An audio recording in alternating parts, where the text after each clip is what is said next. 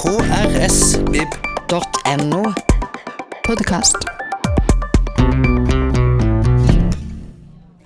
Ja, hei og hjertelig velkommen til Fredagslunsj. Veldig godt å se dere alle sammen. Dagens gjest er Kan Filol. Han er journalist og forfatter. Blir ofte kalt inn som ekspertkommentator når mediene trenger eh, litt kjøtt på beinet rundt ting som stadig oppstår egentlig i, i Asia, og spesielt retta mot India og Kina. Han har et rikt forfatterskap også, basert på spesielt av India og Kina. Og nylig, eller altså et, år eller to, to år kanskje, så lagde Kagge en serie der Odd Karsten Tveit bl.a. har skrevet 'Midtøsten' på 200 sider. Dagens gjest har skrevet Kina på 200 sider. Jeg håper vi kan få han tilbake for å snakke om Kina, men nå er han ute med boka 'India' på 200 sider. Så det gleder vi oss til å høre. oss. Ha godt imot Torbjørn Ferravik.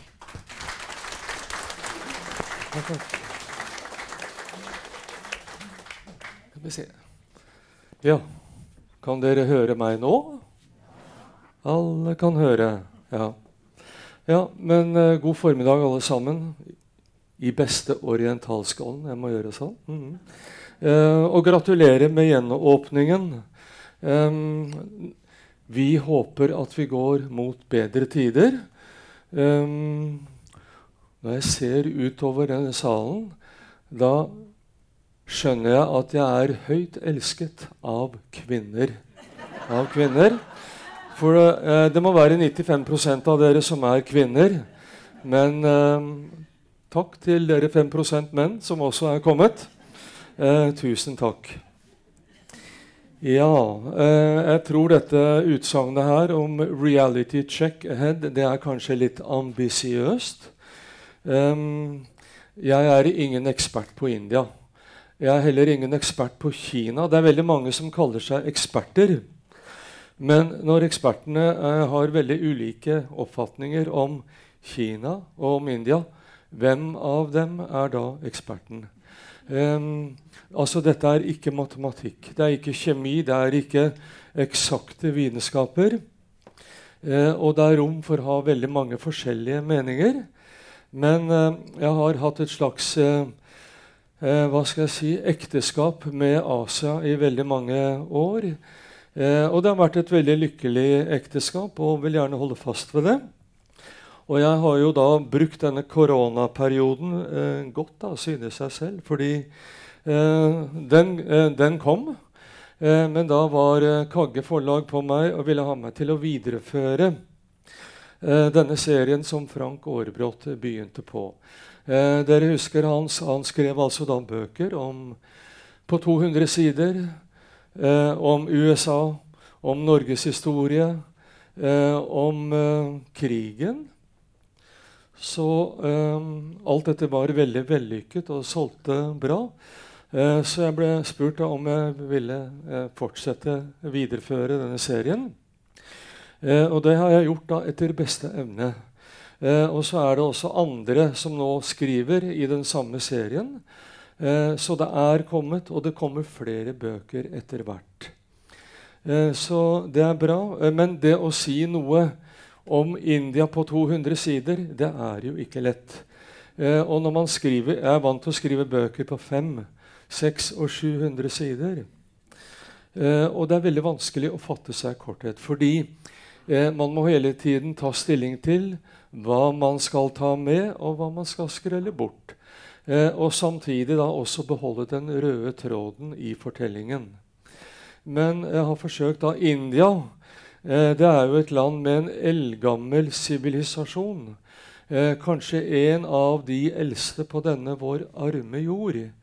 Eh, så det gjør det dobbelt vanskelig. Og i tillegg eh, så er India altså Det er jo ikke bare det er jo ikke bare et land. Vi kan godt si at India det er en idé, det er en visjon, hvor mange forskjellige folkeslag, religioner, eh, etniske grupper er vevet sammen eh, og lever til dels et felles liv, men også veldig forskjellige liv. Så ja. Så det. Her ser dere det store landet. Og I går kveld klokka 19 så var jeg inne for å ta en reality check, da, i hvert fall på folketallet i dette landet. Eh, og som dere ser, det nærmer seg nå 1,4 milliarder innbyggere. Eh, ekspertene som ser inn i glasskula, de har funnet ut at om fire eller fem år fra nå da vil folketallet i dette landet, da vil India passere Kina og bli det mest folkerike landet i hele verden. Eh, eh, Kina begynner jo å, lykkes med å få stabilisert eh, folkeveksten. I Kina eller i India så er det fremdeles ganske sterk vekst. Så folketallet her det øker med 13 eller 14 millioner i året. Sånn at i løpet av 7, 8, 9, 10 år så kan altså dette landet få 100 millioner nye munner å mette. Tenk dere det. Sånn at det er veldig mye som skal stemme før vi kan si at det går bra i India. Fremdeles er India et eh, land som balanserer på denne berømte knivseggen. Dere vet hvordan den ser ut.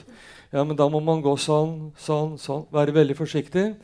Men hvis et så tungt og stort land eh, som India faller ned fra denne knivseggen, ja, men da blir det et veldig stort eh, brak. Eh, så det er i vår interesse da, at eh, India går bra.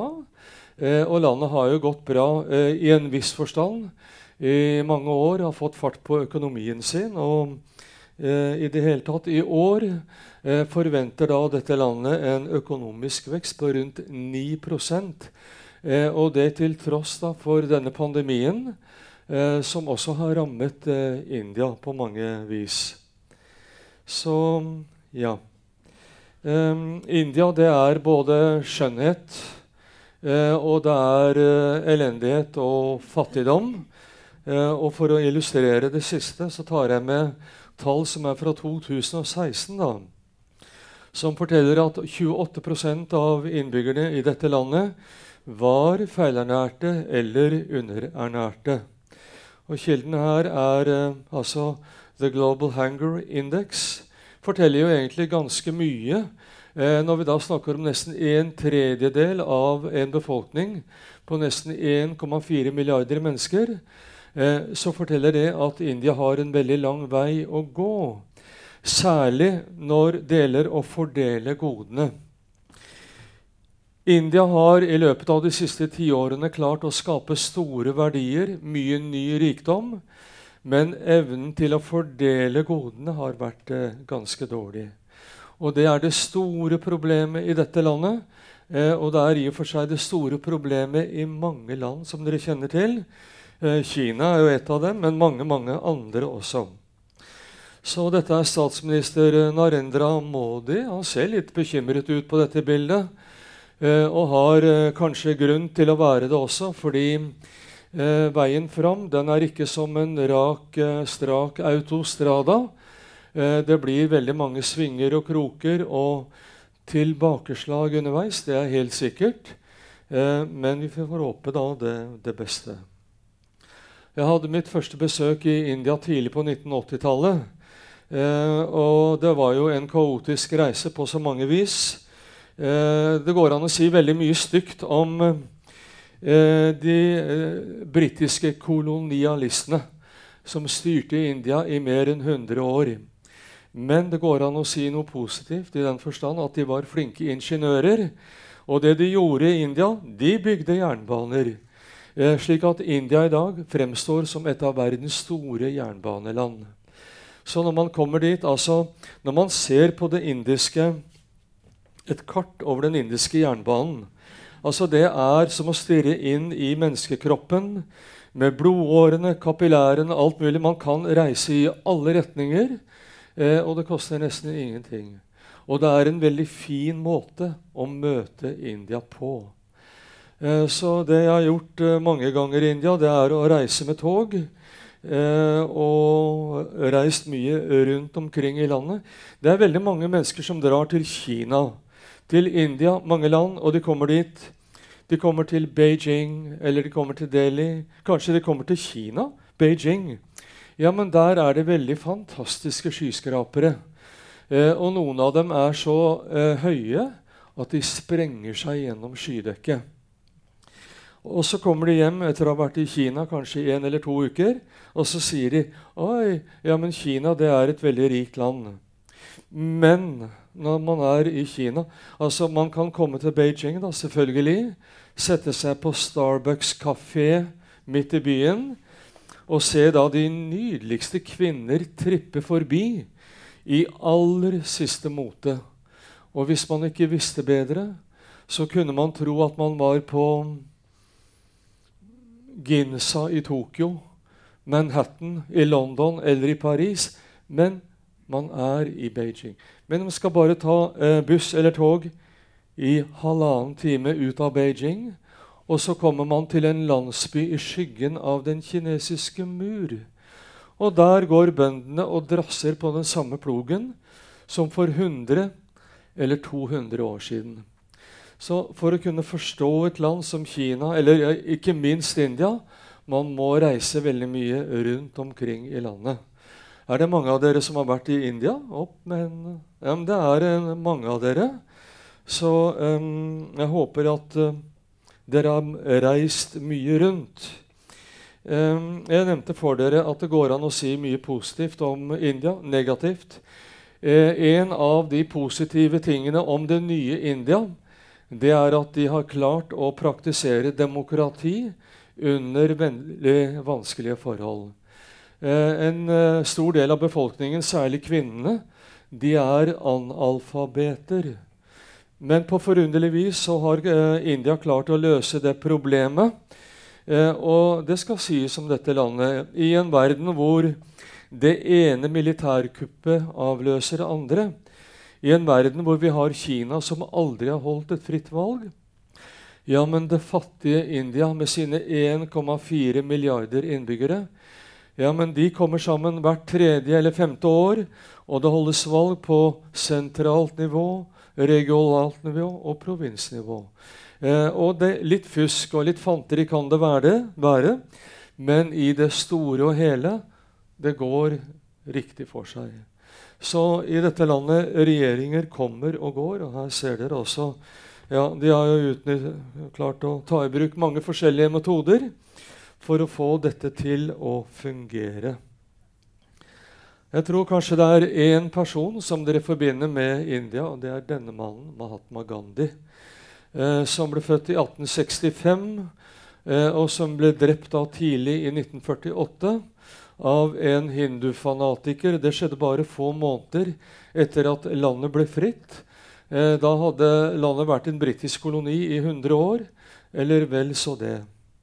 Så eh, denne Gandhi han førte jo an i denne frihetskampen for Kongresspartiet sammen med en annen eh, sentral skikkelse eh, som dere også da, drar kjensel på, nemlig denne store Nehru, som ledet eh, Kongresspartiet i en veldig lang periode. Det var de som gikk i spissen for denne frihetskampen. Eh, og de mente at denne kampen måtte foregå med fredelige midler. Det var jo kjernen i Mahatma Gandhis tenkning, og også i tenkningen til Nehru. Men allikevel, i den siste fasen, i 1946-47, eh, så var det veldig mye vold og blod i India. Eh, delvis fordi at eh, muslimene, som var en veldig viktig etnisk eller religiøs gruppe i landet, de ville ha sin egen stat. De fikk sin egen stat, og denne staten ble hetende Pakistan. Eh, og i denne uklare fasen i 46-47 eh, så var det veldig mye vold og blod. Eh, kamper, feider mellom muslimer og hinduer. Eh, og store mannefall på begge sider. Så eh, for eh, altså Nehru han overtok da styre og stell i India 1947 og ble sittende som statsminister frem til 1965. Da døde han, eh, og han ble ført til kremasjonsstedet ved elva som renner gjennom Delhi. Og asken ble strødd i elva, og den epoken var over. Eh, det går an å si veldig mye om eh, Nehru-epoken. Jeg tror vi kan si at Nehru han var, han var en demokrat. Det var han.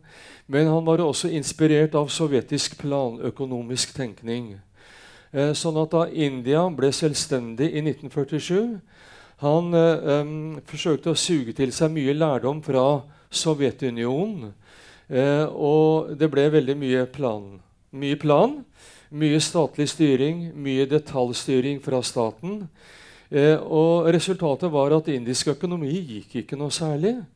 Eh, veksten var på 2 eller 3% i året. Eh, og det i et land da hvor eh, befolkningen gikk oppover på denne måten. Så mange begynte å snakke med forakt om den hinduistiske vekstraten.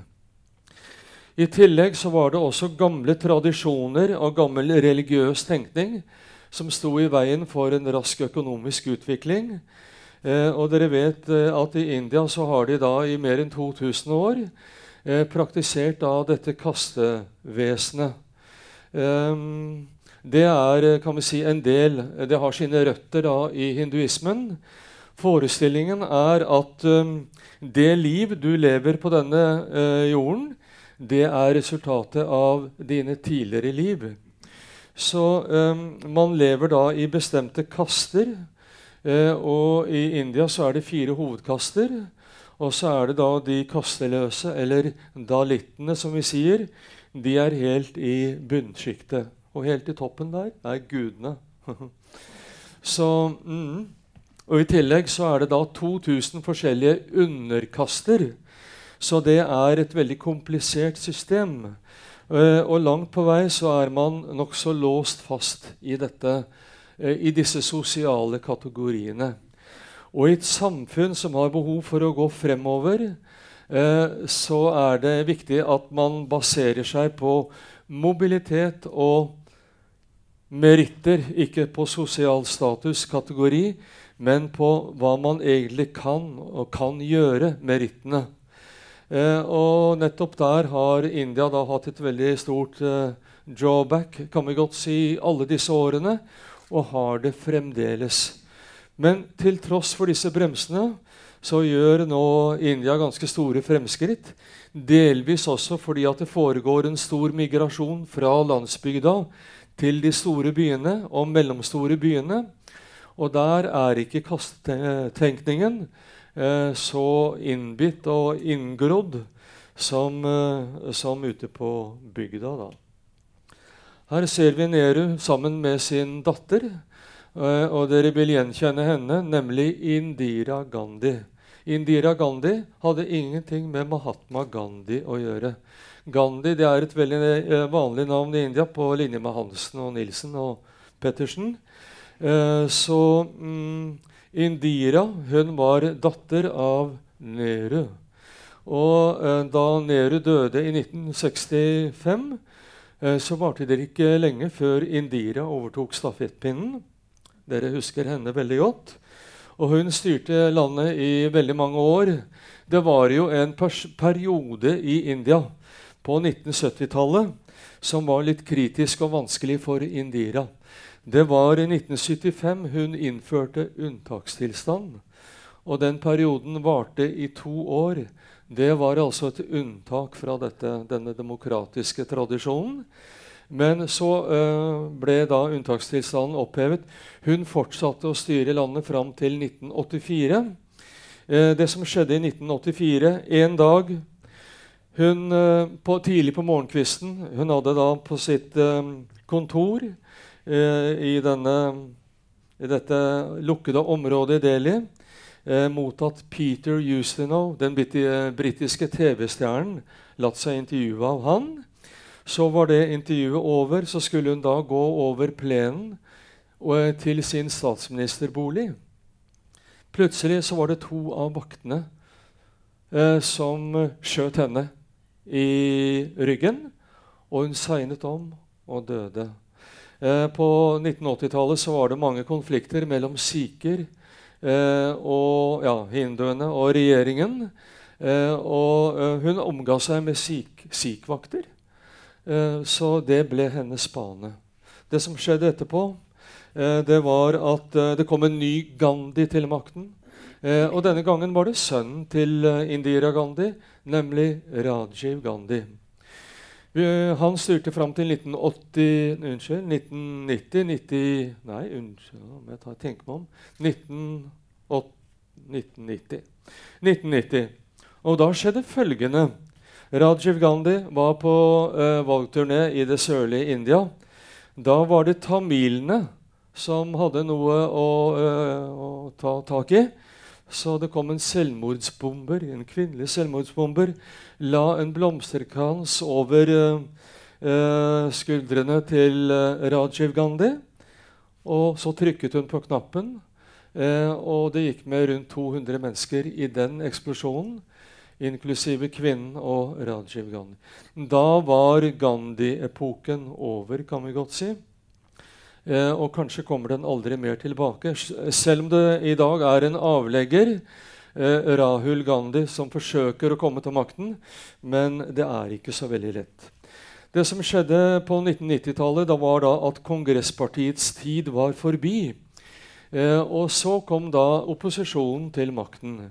Og da begynte de nye lederne å tenke som så. Ja, men i Kina der er de i ferd med å løse opp økonomien.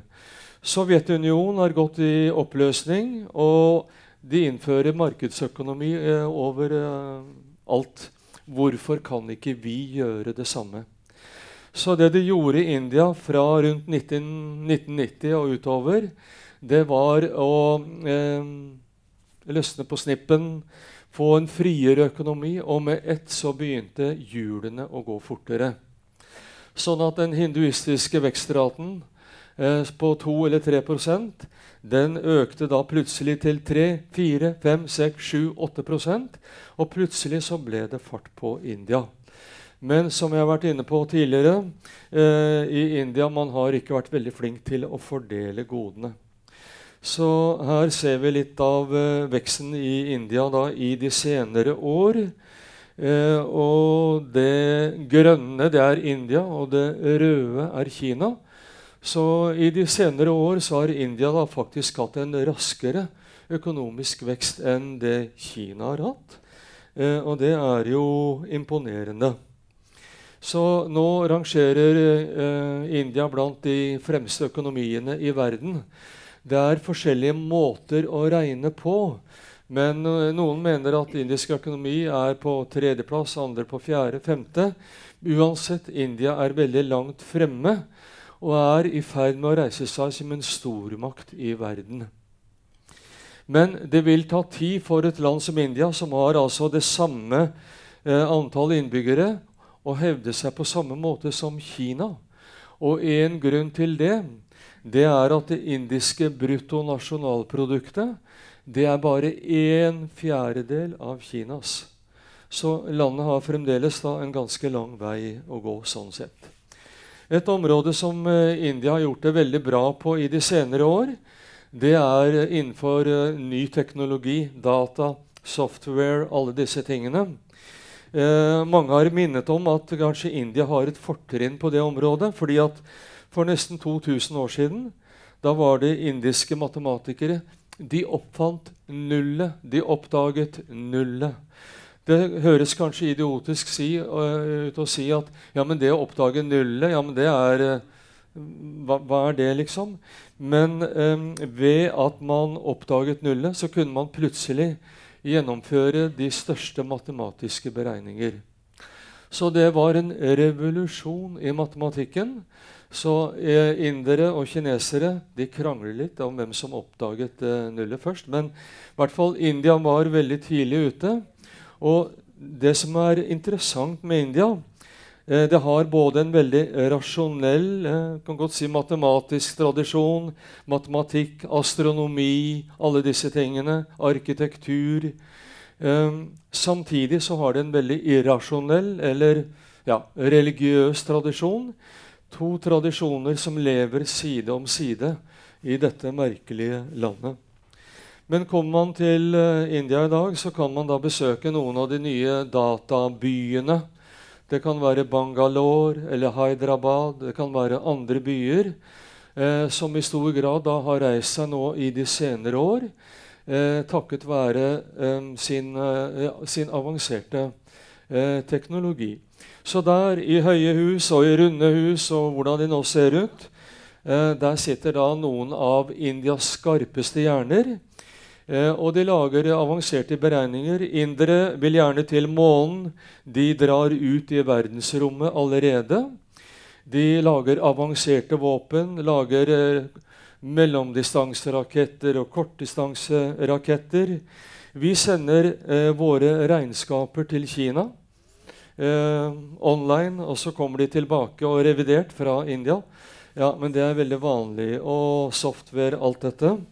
Så eh, der ligger landet veldig langt eh, fremme. Det er noe å bygge på, selvfølgelig, men fremdeles så er det jo bare en bitte liten del av befolkningen som er beskjeftiget da, i disse avanserte industriene. Uh, jeg hopper litt nå før jeg går videre. Um, Kina har jo også uh, ytre trusler å ta hensyn til på veien videre, og det dreier seg om kampen om Himalaya. Dere vet at uh, når to land i Asia, Kina og India, reiser seg samtidig, så disse to landene de skuler hele tiden på hverandre. Eh, og eh, vel vitende om at de, vil komme, at de vil rivalisere på den samme arena i mange mange år fremover, slik de har gjort det også de siste 50 årene. Det store problemet eh, for forholdet mellom de to land det er at de er ikke helt enige om hvor den felles grensen går. Eh, og den felles grensen mellom de to landene gjennom Himalaya den er veldig komplisert, og den er veldig lang. Så eh, I den senere tid så har det vært mange konflikter og sammenstøt. Det var jo en grensekrig mellom disse to landene i 1962. Det har vært mange sammenstøt senere. Og det er særlig høyt oppe i Kashmir og der oppe ved de store isbreene og bakenfor Eh, at det har vært mange sammenstøt da, i de senere år. Eh, og her ser dere da eh, Indias felles grense til Kina. Det er jo særlig én delstat der langt oppe i nordvest som er rosa på dette kartet. Det er en delstat der som heter Arunachal Pradesh. Den har ikke spesielt mange innbyggere, bare 1,3 millioner innbyggere. Men Kina gjør krav på hele denne delstaten og har gjort det hele tiden. Heldigvis så har ikke Kina gjort eh, eh, alvor av eh, sine ambisjoner. Men de kaller da denne delstaten i Kina så heter denne indiske delstaten den heter Sør-Tibet. eh, men det er stadig vekk da eh, Ja, det er eh, Jeg vet ikke hvor mange hundre tusen soldater som ligger på hver side eh, av denne felles grensen mellom India og Kina. Eh, og de har også atomvåpen rettet mot hverandre, fordi begge partene er atommakter. Så det er en viss spenning i luften da hele tiden mellom disse to. Her er presidenten i Kina til venstre og statsminister Modi til høyre. De har møttes ved flere anledninger. Eh, og de forsøker å gjøre gode miner til slett spill, men hele tiden det er altså en viss sånn eh, eh, strid mellom disse to. Kina har jo i dag veldig store ambisjoner om å dra ut i verden. Eh, og dere har kanskje hørt om dette svære kinesiske Silkeveiprosjektet. Eh, I gamle dager så hadde vi denne Silkeveien mellom Kina og Sentral-Asia Europa. Eh, og man dro med kameler og hester frem og tilbake og fraktet silke og andre varer. Så, da, eh, så overtok da sjøveien, altså Vasco da Gama, altså 1500-tallet. Silkeveien mistet sin betydning. Men nå sier denne kinesiske lederen han sier da til partikameratene sine han sier, 'Kjære kamerater', Altså I dag så frakter vi varer fra Kina til Europa på kjøl, eller til USA på kjøl. Og den transporten tar åtte til ti uker. Hvorfor holder vi på på den måten? Hvorfor bygger vi ikke nye og bedre veier i Asia? Gjerne gjennom India, gjennom Himalaya, Pakistan, Afghanistan, Sentral-Asia. La oss bygge f.eks. en strak autostrada fra Kina til Warszawa. Gjerne to eller tre filer i hver retning. Samme med jernbane. To spor i hver retning. Samme for meg. Men det kan vi gjøre. Og vi kan frakte de samme varene på én uke. Så dette store Silkevei-prosjektet som Kina nå forsøker å realisere, eh, og som er mye omdiskutert, det vil ikke India være med på. Eh, bare, de fleste land er jo med på det. Men som et uttrykk for denne mistanken som India hele tiden har mot Kinas eh, ambisjoner, så sier India nei takk, vi vil ikke være med på det. Pakistan derimot har takket eh, ja, og har allerede kommet i en uh, utrolig ja, et farlig gjeldsforhold da, til uh, Kina. Mange av disse landene de sier jo ja, men vi har ikke penger til å bli med på spleiselaget. Men så sier uh, Kina ja, men dere kan få låne penger i våre statsbanker. Ja, men så tar de opp penger i Kina, låner penger. Men så kommer da den dagen da lånet skal betales tilbake. Og plutselig så sitter de i saksa. Så dette fattige India, det eh, ruster opp. Og det ruster opp, og det ruster opp. Det har atomvåpen, det har rakettvåpen, alt mulig. Eh, og det er ufattelige milliarder som går med, og som kanskje heller burde ha vært brukt til bedre formål. F.eks. For å hjelpe kvinner og barn som eh, ligger langt tilbake i dette landet, og som lider. Analfabetisme, eh, skole, helse, alle disse tingene. Ja, men det er så store uløste sosiale oppgaver som man kunne ha, ha slust av de eh, militærpengene, militærmilliardene, til bedre formål. Her er et bilde fra den store slummen i Bombay, eller Mumbai, som byen heter nå. Der er eh, verdens største slumområde. Det er en bydel som heter Daravi, med rundt to millioner mennesker. Eh, og eh, Den samme type slum finner man i mange andre byer rundt om i India. Så de sosiale oppgavene de står jo i kø i dette landet. 30-40 av eh, kvinnene i India de kan ikke lese og skrive. Um, tenk dere uh, hvordan land, altså, India går jo i og for seg bra. Tenk dere hvor bra dette landet kunne ha gått hvis kvinnene var blitt fullverdige medlemmer av samfunnet, eh, hadde lært seg å lese og skrive og fått eh, lov til å være med i samfunnet på samme måte som alle andre. Jeg tror mange av dere forbinder eh, India eh, med denne kvinnen. Jeg gjør i hvert fall det. Mor Teresa, som levde fra 1910 til 1997. Jeg tror jeg må ha vært en av de siste som traff henne. fordi jeg var i India i 1997 og kom til uh, Calcutta.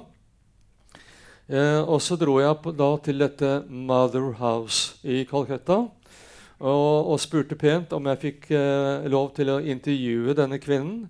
Eh, på den tiden så skulle jeg skrive en bok om India, og jeg gjorde det. Um, og jeg fikk møte i, uh, mor Teresa. Hun hadde vært syk lenge, men så hadde hun kommet til hektene igjen. da. Så hun kom ut fra dette forhenget sitt eh, barbent. Um, og jeg spurte pent Jeg kommer fra Nobelprisens hjemland. Hun fikk jo Nobelprisen en gang i tiden. Uh, og så spurte jeg kan jeg få lov til å intervjue deg. Uh, så sa hun da å, jeg er så trett, jeg orker ikke mer. sa hun. Uh, men hun ba meg knele da, på en liten rød pute, og så hun, velsignet meg der og da. Og så forsvant hun bak da, dette lille forhenget sitt. da. Og jeg kunne se inn der. Det eneste som var der, det var en jernseng eh, som hun hadde bodd på hele eller eh, sovet i hele livet.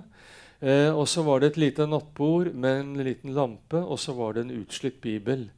Eh, og disse plastsandalene. Det var det eneste som hun hadde omtrent i livet. Eh, hun forsøkte å ta tak i fattigdomsproblemet i India. Eh, og dere har lest veldig mye om det. Hun døde 14 dager senere.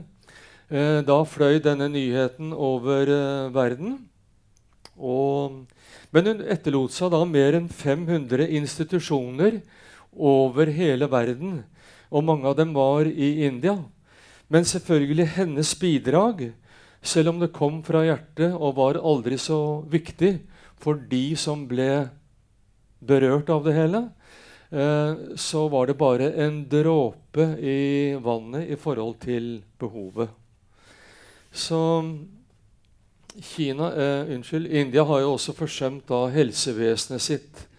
Eh, det var noe av det første som eh, denne kvinnen så. Så hun tilbød dem da mat, medisiner, helse, forkynnelse også. Hun var jo en omstridt eh, kvinne eh, på sett og vis. Helseproblemene i India er blitt aktualisert nå i forbindelse med denne pandemien som har rammet Asia eh, og også India ganske hardt. Og dere har fulgt med på dette på TV og i andre sammenhenger.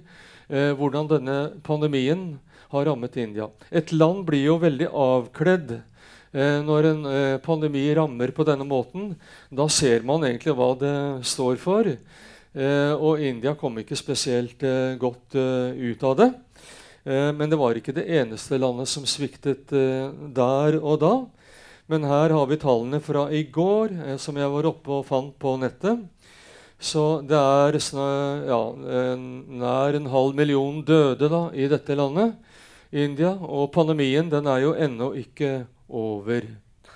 Så det har vært en stor eh, tragedie, menneskelig tragedie eh, som har utfoldet seg i dette landet. Og det har vært eh, mange lockdowns. Men til tross for det så har indisk økonomi klart å holde det gående. Her ser dere en svær elefant, og det er veldig mange elefanter i India. Eh, og skrevet på denne elefanten så står det 'korrupsjon'. Det er en, eh, et onde som rir dette landet som en mare. Eh, og det har alltid gjort det. Og eh, India er ikke alene om det. Det er mange land i Asia som plages av denne korrupsjonen. Eh, og det føres stadig vekk kampanjer mot korrupsjon og pengesøl. Men det er klart at dette er noe som virker demoraliserende i samfunnet. Eh, og i India så veier dette veldig eh, tungt. da. Det er jo tidvis eh, slik at mange utenlandske selskaper som ellers kunne ha vært fristet til å gå inn, inn i India, de vegrer seg for å gjøre det pga. korrupsjonen og alt som må skje i mørke kroker og under bordet og osv. Så, videre. så det er veldig synd for uh, dette landet. Et annet stort problem uh, som rammer India nå, det er jo dette med klima og miljø. Uh, forurensningen i de store byene. Eh, Kina eh, Unnskyld, jeg sier hele tiden Kina fordi jeg stadig vekk er ute i forsamlinger og snakker om Kina. Men India det er et eh, land som eh, i stor grad drives med kull. Kullfyrte kraftverk på samme måte som i Kina. 60-70% av all energi i India kommer fra kullet. Og kullstøvet det driver over by og land, særlig da om uh, vinteren, høsten, vinteren, våren. Eh, og det rammer da de store byene som Delhi, Calcutta, eh, Bombay eh, osv. veldig hardt. Eh, og i perioder så er det så ille at de må bare stenge ned og be innbyggerne om å holde seg hjemme. Samtidig så forurenser da biltrafikk, eh, fabrikker osv. Så, videre. så det er veldig ille. Eh, så eh, dette er noe må de, altså de må ta tak i det. Samtidig så foregår det en veldig sterk industrialisering da, i dette landet. Folk drar fra landsbygda. Stadig flere overføres da til industri og servicenæringer. Så det kommer da stadig flere fabrikkpiper og røyken tyter til værs, og landet blir da etter hvert mer og mer forurenset. Så det de må gjøre i India nå, det er eh, egentlig da altså den største folkevandringen i historien. Den foregår akkurat nå i India og Kina. For vi snakker om flere hundre millioner bønder som er i ferd med å bryte opp fra gård og grunn for å begi seg til tettsteder og store byer. Og hvis alle sammen drar til de samme byene, så blir vondt enda verre. Så det de må gjøre i India, det er for så vidt det samme som i Kina. De må bygge nye byer og tettsteder for å kunne absorbere alle sammen. Så Sånn sett så har India da en del å lære av, eh, av uh, India. Jeg har også lyst til å nevne noe annet for dere. fordi høyt der oppe på verdens tak uh, Vi må ta en liten tur til verdens tak. Ja, men der ligger um, det som kalles den tredje pol. Dere har hørt om den første pol og om den andre pol. Men så er det da én pol som det snakkes veldig lite om, og det er den tredje pol. Og den ligger høyt der oppe fordi høyt der oppe der fødes noen av de store og fine elvene i verden, som betyr mye for helsetilstanden, kan vi godt si, til hele Asia. Det kan være Den gule flod, Yangtze-kiang, Brahmaputra, Indus, Mekong eh, ja, men Det er mange av dem. De fødes der oppe. Eh, og det kommer av at der på den, eh, den tredje pol der ligger det svære eh, isbreer, masse is og snø. Eh, og når det er vår, sommer altså Vannet kommer da der oppe fra og nedover til det store Asia og gir liv, grøde og næring til store deler av Asia. Eh, hvis India eller Kina kommer i ulage fordi den tredje pol eh, kommer i ulage, ja, men da eh, er det veldig alvorlig. Altså, Nå pga. den globale oppvarmingen, det man ser der høyt der oppe ja, men Temperaturen den stiger med én grad, halvannen grad, ja, men to grader. Ja, men det er nok til å påvirke helsetilstanden til en tredje pol. Det som da kan skje i en første fase, når nedsmeltingen eh, begynner for alvor, det er at det kommer altfor mye vann i disse elvene. Det vil være veldig til skade for bøndene, som er avhengige av forutsigbarhet eh, for å kunne leve stabile liv. Eh, og komme, I neste fasen så kan det komme for lite vann i de samme elvene. Det vil også være veldig ødeleggende. Eh, Kina og India det er to, eh, to land som er så store eh, at de må være selvforsynte i stor grad med matvarer. Så hvis matproduksjonen i disse to store landene eh, av en eller annen grunn eh, går i stå, ja, men så vil det eh, skape store problemer for hele verden og for eh, matvareprisene. For en del år siden så fant jeg ut at jeg skulle følge Yangtze-elva, Yangtze-kiang, eh, hele veien fra mm, Shanghai og opp til verdens tak, til eh, Yangtze-elvas kilde. Og jeg gjorde det. Eh, og så kom jeg hjem og så skrev jeg en bok som het eh, mm, 'Kina en reise på livet selv'. Så jeg kom opp da til eh, Tibet. Eh, og kom etter hvert også til selve kildeområdet helt der oppe. Sammen med tibetanere og kinesere som fulgte meg på veien. Allerede den gangen, i år 2001-2002, så var det eh, lett å se at uh, den tredje pol begynner å smelte.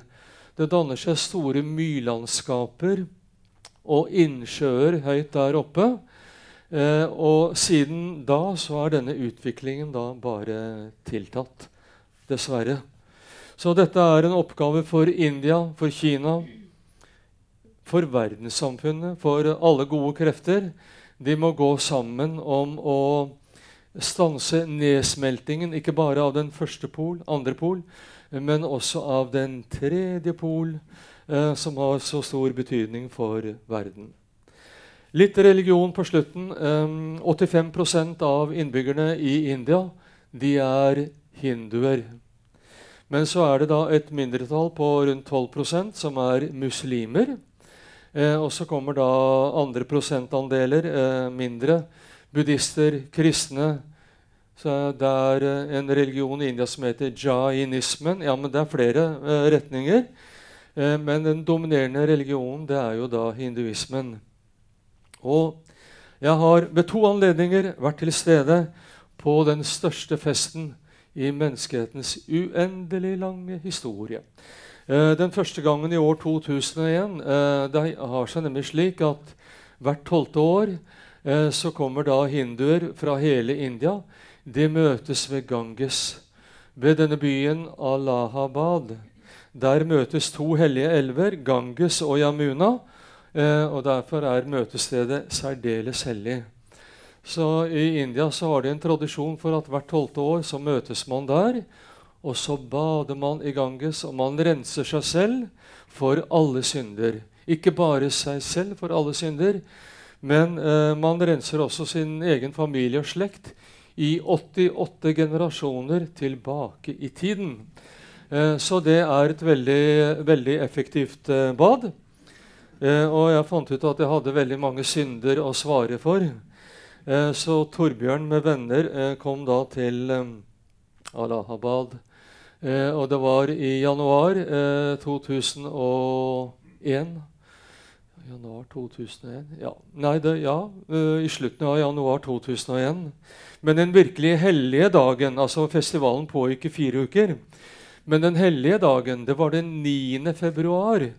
Fordi det var veldig viktig å bade på den helligste dagen. For da sto sol, måne, stjerner sto i riktig posisjon. Uh, så dette var de veldig nøye med å regne ut. Så vi badet den dagen i Ganges, renset oss for alle synder. Og da kvelden kom, eh, da hørte vi at ni millioner mennesker hadde badet på det samme stedet ved Ganges den dagen. Og i løpet av hele Melan, altså Kumbh Mela, som denne festivalen kalles, så var det 70 millioner mennesker som kom sammen for å eh, rense seg for alle synder. Men i år 2013, da var ikke jeg der. Da var det mm, mer enn 100 millioner mennesker som kom da til dette stedet for å eh, delta i Kumbh Mela. Neste sjanse for å bli kvitt alle synder, det er i 2025. Eh, så hvis noen av dere har, føler at dere har noe å svare for, så Mm, kan dere bli med meg, kanskje? Og så kan vi se hva vi kan få til der ved elva. Ganges er jo en veldig forurenset elv. Men det nytter ikke å si det til inderne. Ja, men Ganges den er jo veldig forurenset. Hvordan kan dere finne på å bade i Ganges? Så sier de Ja, men forurenset? Hva, hva sier du? Ja, men så sier de Dette er jo mor Ganges. Ja, men du har da vel ikke hørt om en mor som er skitten? Ja, Og så bader de i Ganges allikevel. Men uh, altså det vi gjorde, vi gikk opp til hit. da. Og veldig mange det går ikke mer enn opp til hit. Og de dynker seg litt, og så går de i land. Andre de drikker av vannet. Men vannbårne sykdommer er et veldig stort problem i India. Fordi eh, veldig mange av elvene, de store elvene de er veldig forurenset. Langs denne elva eh, Ganges bor det 250 millioner mennesker. Det er fabrikker i tusentall, og det er i elva flyter da dyrekadavre og menneskelik, alt mulig. Eh, så elva er veldig forurenset. Og gjentatte forsøk på å rense den har selvfølgelig falt i fisk. da. Så man ser veldig mye rart når man er på Kumbh Mela. Eh, den største festen i verden.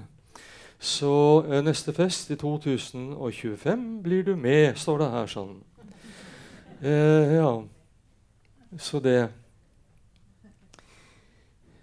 I India så finnes det også innenfor hinduismen en, en gruppe hellige menn. De kaller seg sadduer. De lever på uh, siden av samfunnet, kan vi godt si. De vandrer fra sted til sted og lever av å tigge. og Går rundt med kjepp og stav. Lever ved de store elvene eller i huler i fjellene. Eh, men eh, ved hver eh, Kumbh Mela så kommer de da fra alle Indias kanter. De er et veldig fargerikt syn, da, og de er delt inn i forskjellige sekter. Og de kan da gjenkjennes på de forskjellige fargene og ja, formasjonene i ansiktet. Eh, så der kommer da de hellige menn, sadduene, også for å bade. Eh, og tradisjonen tilsier at det er de som får lov til å bade først. Så er det alle de andre. Eh, når eh, jeg da sitter og skriver eh, India på 200 sider, Indias historie Det er jo veldig vanskelig. Det er jo nesten en håpløs oppgave. Selv om jeg har forsøkt. Men jeg har forsøkt å finne den røde tråden. Og det man blir slått av når man skriver om India Ja, men vi forbinder gjerne India ja, Vi tenker oss India som et veldig fattig land. Ja, men India er et fattig land på sett og vis, og det har vært et fattig land. Men hvis vi ser på India i den store tidsbanen, så vil vi også se at det har hatt lange perioder med rikdom og velstand. Eh, og kanskje den store og fineste perioden i Indias historie eh, Ekspertene vil kanskje være litt uenige, men jeg heller til at det er denne perioden fra 1500-tallet Eh, og fram til 1800-tallet. Eh, da hadde man mogulene, moguldynastiet, stormogulene. Det var De invaderte India fra Sentral-Asia. De kom egentlig fra Usbekistan, Afghanistan, fra det, ja, områdene der. De invaderte Asia og erobret da tronen i Delhi og etablerte et dynasti som skulle vare helt fram til 1857. Eh, og den ene stormogulen, ene keiseren da, etter den andre, avløste, avløste hverandre på tronen der. Særlig de to eh, første århundrene var en periode med uant velstand. Eh, og det var ikke for ingenting at våre egne ja, eh, oppdagere i Europa, Vasco da Gama og co., ja, men de ville til India. Ja, men hvorfor ville de til India? Jo, fordi de hadde hørt nyss om Indias rikdommer. Det var krydder, elfenben, det var alt fint som de kunne kjøpe eller bytte til seg. Eh, og eh, det ble jo da starten på det indiske eventyret. Til det britiske østindiske kompani, til det nederlandske. Til og med Norge og Danmark, kongedømmet Norge-Danmark. Kristian 4. Han fant ut i 1616 at vi må eh, sette noen skuter på havet og dra av gårde til India. Eh, og de gjorde det, og kongedømmet Norge-Danmark etablerte en koloni eh, noen år senere på eh, østkysten av India. En koloni som het Trankebar.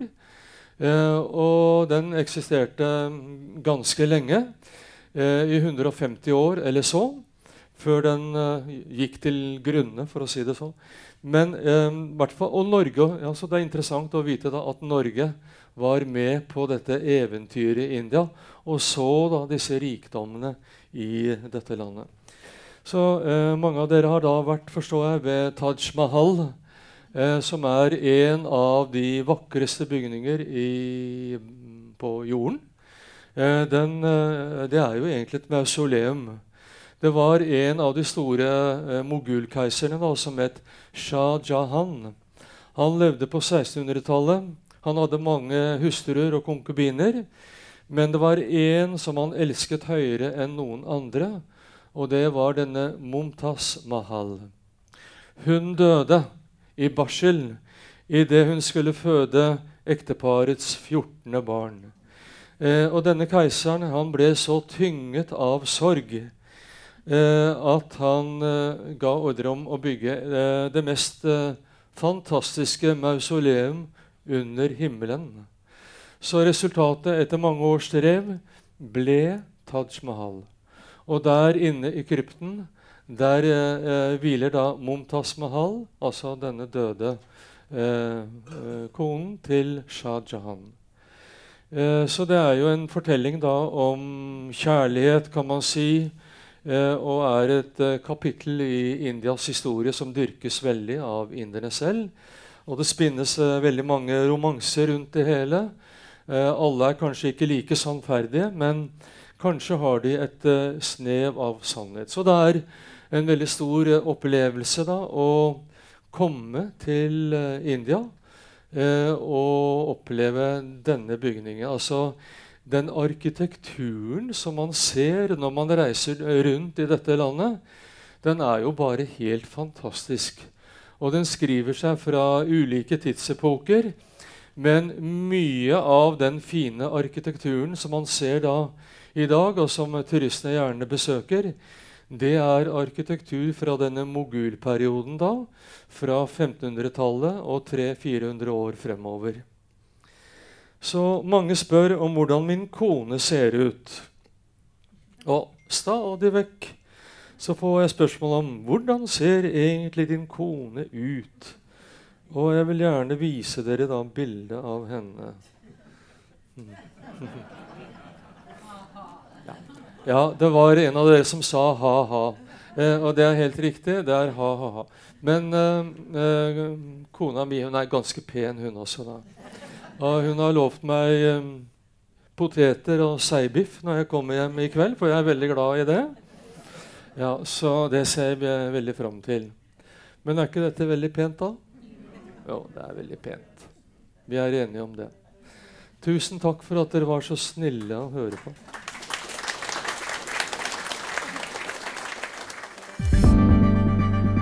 Flere podkaster fra oss finner du på Google Podkast, Apple Podkast eller iTunes, eller ved å stikke innom vår hjemmeside på krsbib.no.